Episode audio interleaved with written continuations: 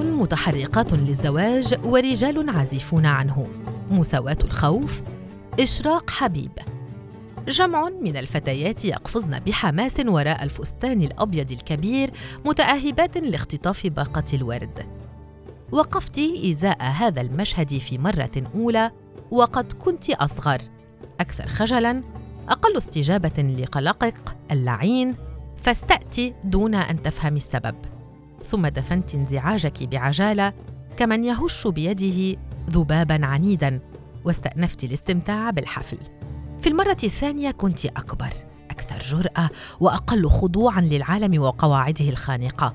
تراجعت إلى الوراء واتخذت زاوية على يسار الفعالية لتشاهدي مع جمهور غير العازبات سعادة المترشحات وذويهم. إلا أن مطلبك كان طموحا أكثر مما يجب على ما يبدو. فسرعان ما التقطتك أعين المفتشات والمفتشين وطالبتك بصرامة بالالتحاق. فجأة تحول المشهد كله نحوك وتلقيت لدقائق بدت كأنها دهر نظرات دهشة وأخرى لائمة ومستنكرة فعلتك اللا مقبولة.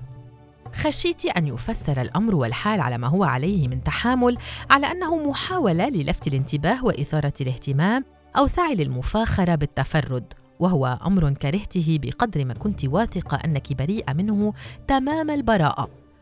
فكدت تتقدمين إلى الأمام لإنهاء المسألة التي اتخذت أكثر مما ينبغي لها من الانتباه غير أن صوتا قويا تردد داخلك بأن لا تفعلي.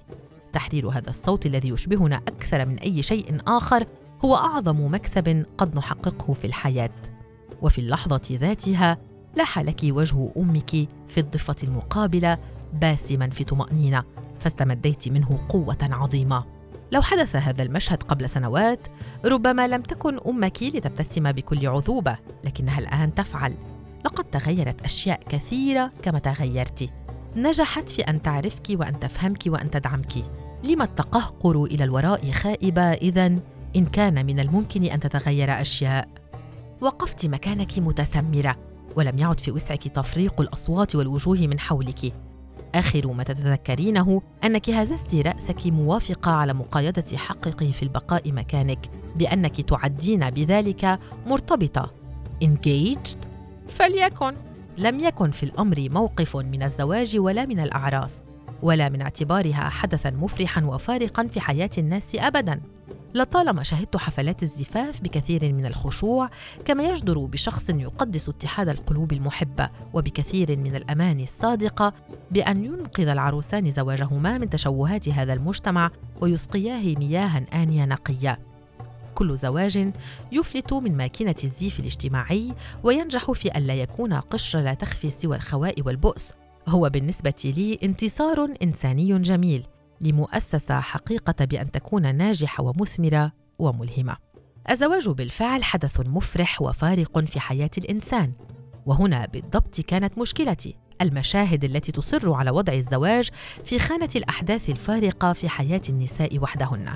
يتفق الجميع على أنه يوجد في الزفاف رجل وحيد سعيد وهو العريس الذي ينظر إليه أصدقاؤه كمن ينظر لفأر داخل مصيدة وحتى أجمل الأمر أكثر ككنار مغفل داخل قفص.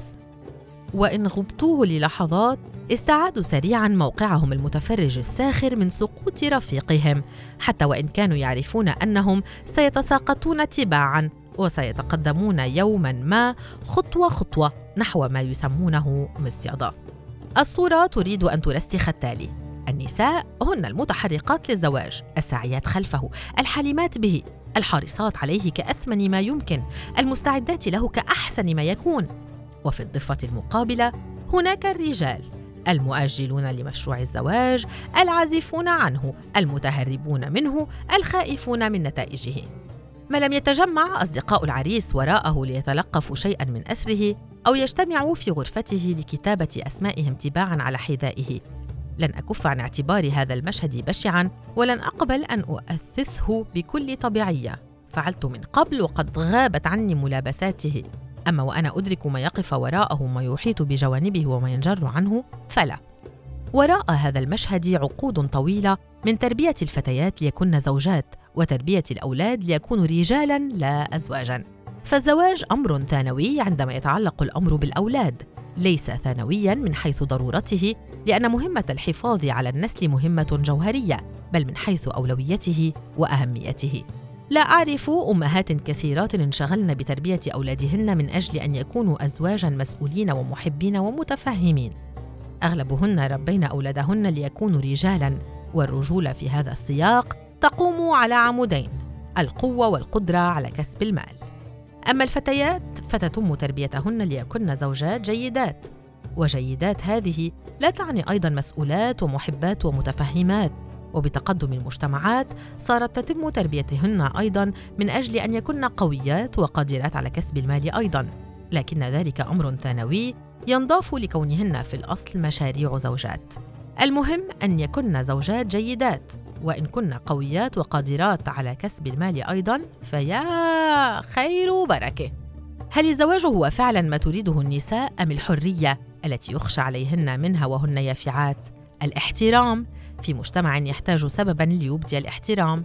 الاعتراف بهن كذوات لا كملحقات. الشعور بأنهن صاحبات رأي وقرار في حين أنه لا يحق لهن ذلك في الكثير من المنازل.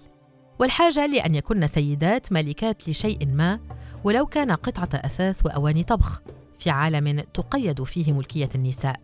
إن كانت النساء تبحث عن كل هذا في الزواج ثم يكتشفن أنه لا يقدمه ضرورة ما الذي سيحدث؟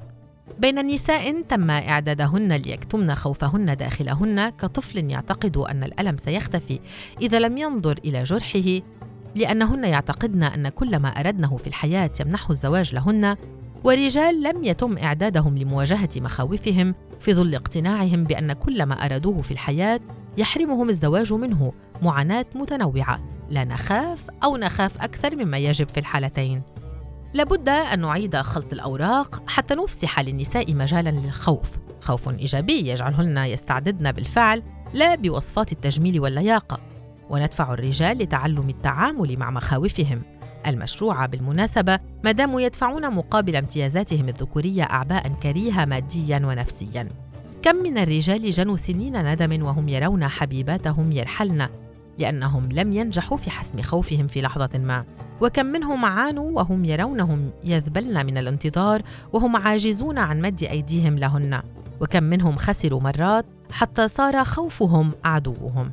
ولما شنقوه في ثورة غضب ألقوا أنفسهم بين يدي المرأة الخطأ. وكم من الرجال دفعوا ثمن مخاوفهم التي لم ينجحوا قط في مواجهتها علاقات غير متوازنة. كانوا فيها غائبين أكثر من حاضرين وعاشوا سنينا مع شعور متفاقم بالضآلة وانعدام القيمة في أعين زوجاتهم وأبنائهم دون أن يقووا على إصلاح الأمر. وكم من النساء وجدن أنفسهن وحيدات عاجزات في مواجهة انتظاراتهن الشاهقة من الزواج، فالحرية والاعتراف والاحترام مكتسبات علينا أن نستحقهن ضرورة قبل الزواج. كم منهن اكتشفنا أن جيدات ليست وصفة سحرية وأنه عليهن أن يتعلمن باستمرار. عوض أن يطبقن ما تعلمنا من قبل لأن العيش المشترك تمرين يحتاج فريقا من لاعبين. كم منهن اكتشفنا فجأة أنهن فكرن في الأغطية القطنية الزاهية والملابس الصغيرة التي تخطف القلوب. ونسينا أن يفكرن كيف سيواجهن تساقط شعرهن وربما أسنانهن وافتقاد أجسادهن للتناسق وكيف سيتهيأن لتكون الأجنة في أحشائهن ثم انفصالهم عنها وكيف سيقاومن اكتئاب ما بعد الولادة في الفترة التي يتنازعهن فيها النعاس والضعف والغربة والخشية من الفشل وإعادة اكتشاف أنفسهن وأجسادهن وأنوثاتهن. بدأ الأمر من مكان مختلف تماما وما تلاه ليس تعسفا على المشهد الذي يؤثثه أشخاص أبرياء وفرحون وراغبون في الحياة. ما دمنا قد فهمنا حتى الآن كم أن مظاهر التمييز جميعها وإن بدت بسيطة وتافهة تساهم أكثر في أن تطبق على أنفسنا وتحرمنا السلام نساء ورجالا.